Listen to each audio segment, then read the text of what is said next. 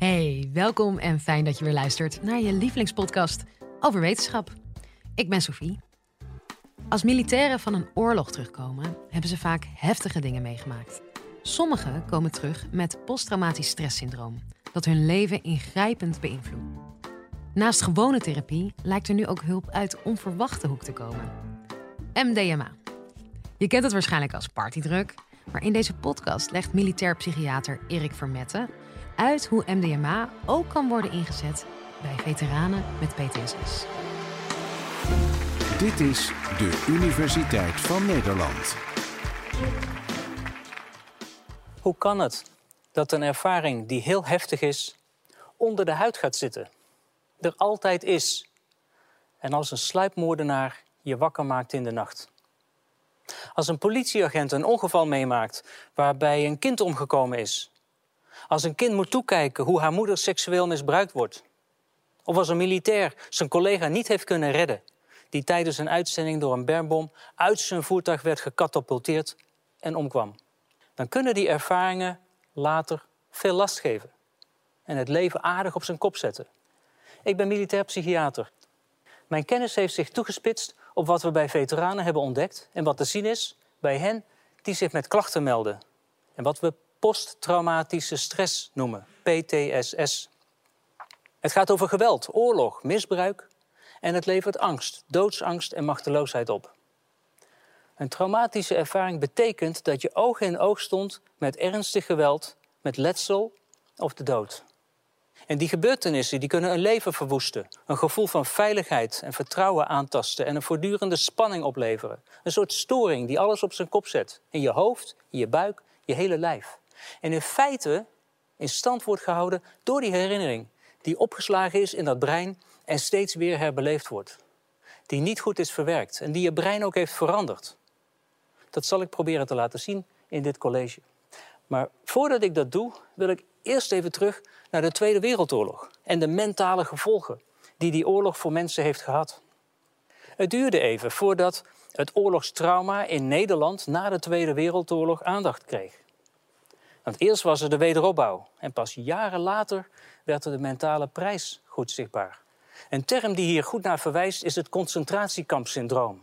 Wat verwijst naar de klachten die sommige mensen hadden die de kampen overleefd hadden. Het lichaam was bevrijd, maar het gevoel, de geest, die was nog niet bevrijd. Die was in zichzelf opgesloten, in een voortdurend isolement. En een pionier die zich sterk maakte voor deze groep was Jan Bastiaans, hoogleraar psychiatrie in Leiden. Hij zag hoe de oorlog in feite doorging in de huiskamer, in de keuken en de slaapkamer.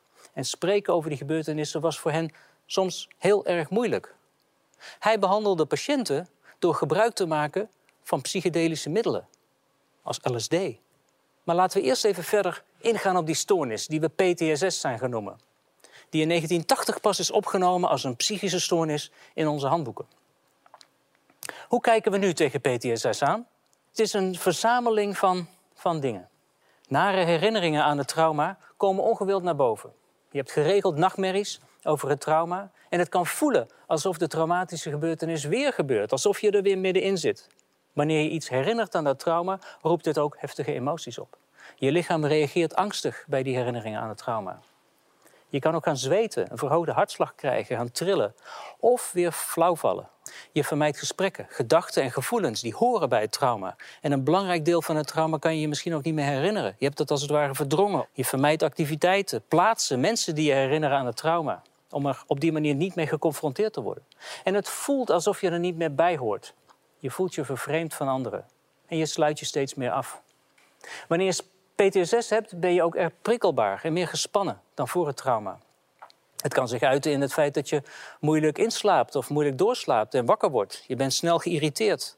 Je hebt woedeuitbarstingen, je hebt last van concentratieproblemen, overdreven alert en waakzaam. En bij het minst of geringste geluid komt weer die herinnering aan die bermbom terug. Soms komen er ook nog gedachten bij. Niemand is te vertrouwen, het gaat nooit meer over. En gevoelens die te maken hebben met schuld of schaamte.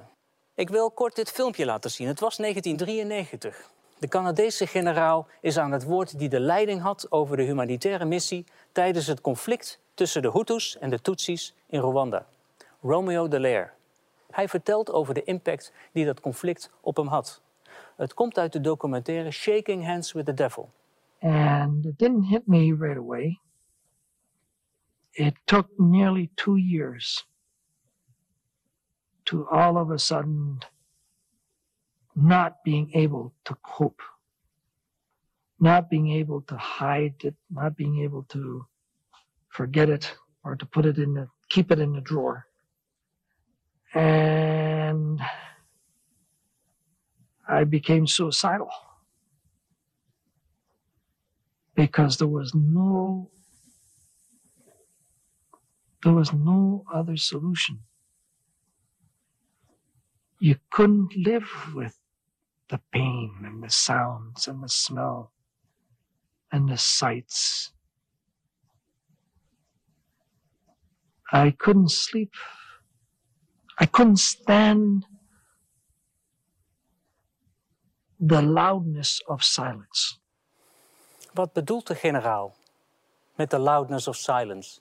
S'nachts werd er gemoord, vonden de slagpartijen plaats. En als hij s'morgens op patrouille ging, dan zag hij de lijken liggen. De nacht werd gekoppeld aan het moorden.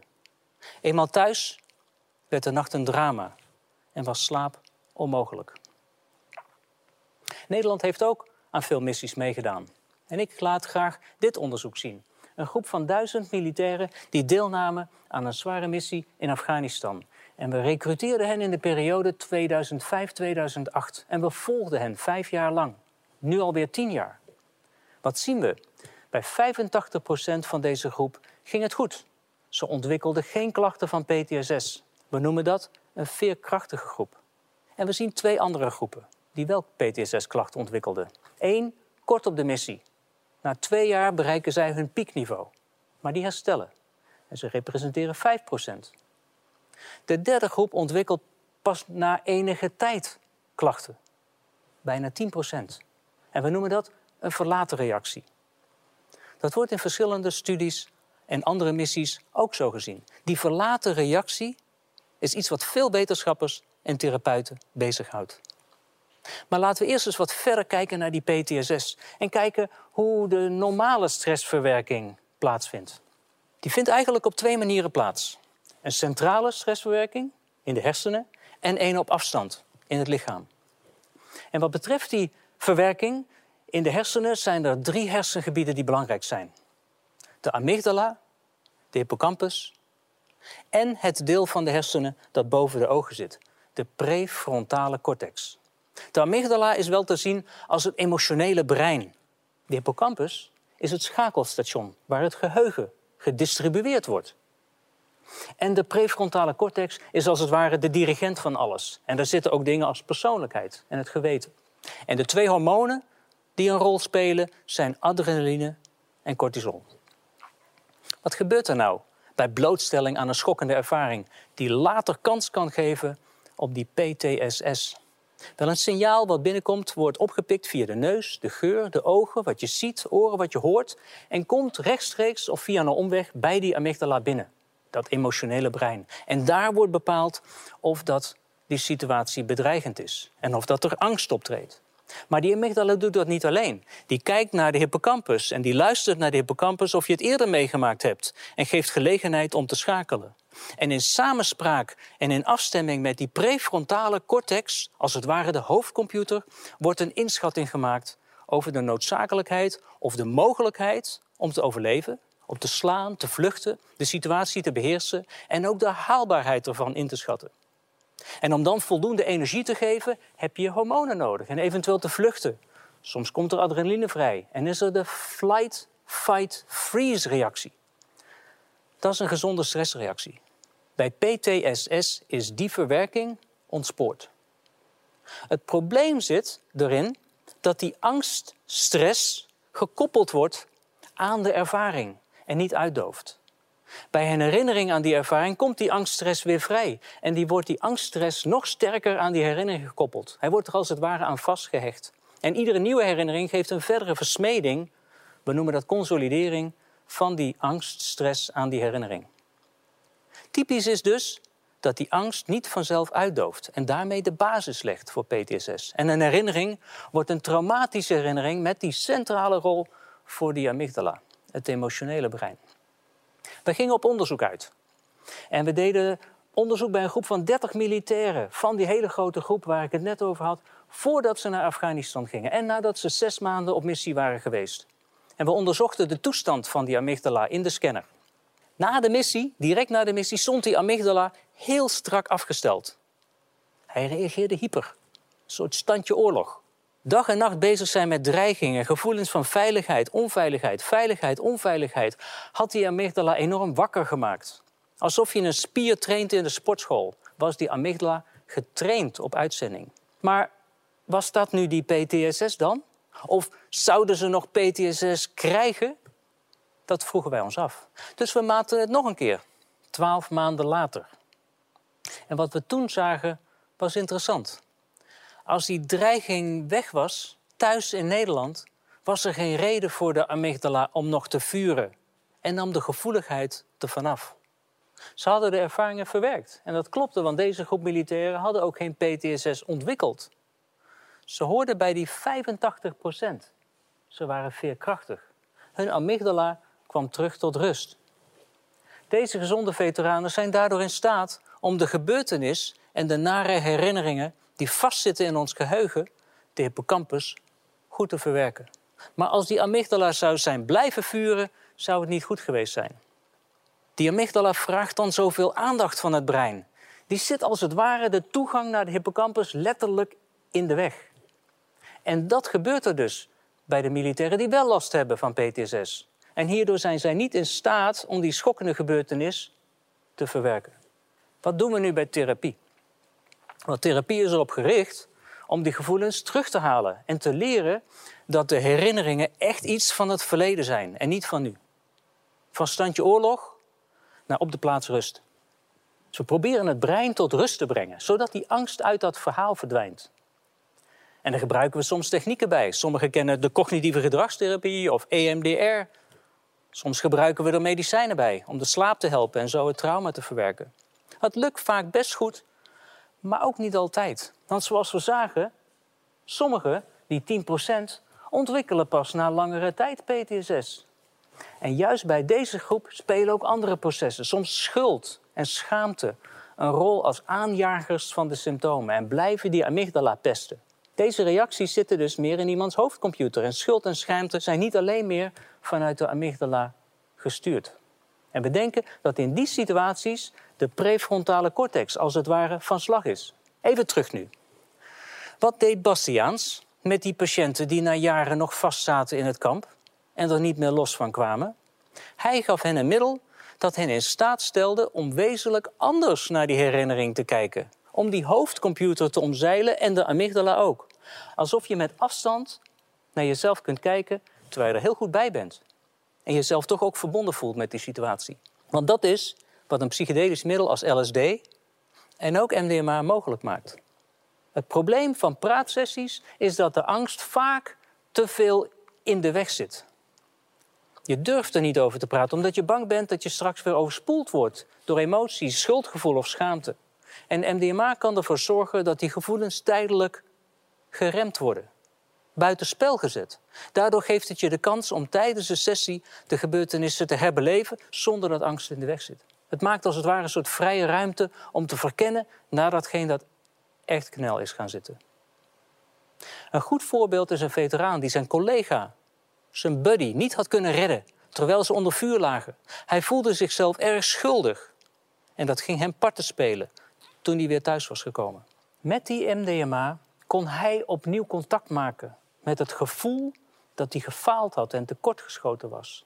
En hij kon leren zichzelf vergeven. Als het ware in slow motion te voelen hoe het was zonder die angst van toen. I completely different now. I thinking about it, I really that moment that I got blown up when it was happening. And everything was moving so slow my mind was just racing at the speed of light. Was, and I can really go back and visualize. I've never been able to visualize it so hard. Twee sessies MDMA onder begeleiding van twee therapeuten lieten zien dat nadien de klachten zeer sterk verminderden. Deze deelnemers kregen een placebo of MDMA. In dergelijke sessies wordt meestal 120 milligram gegeven. De placebo-groep reageerde ook wel op de therapie, maar niet zo goed als de MDMA-therapie. De MDMA-groep kwam na twee sessies zelfs onder de grens van de diagnose PTSS. Ze waren dus genezen.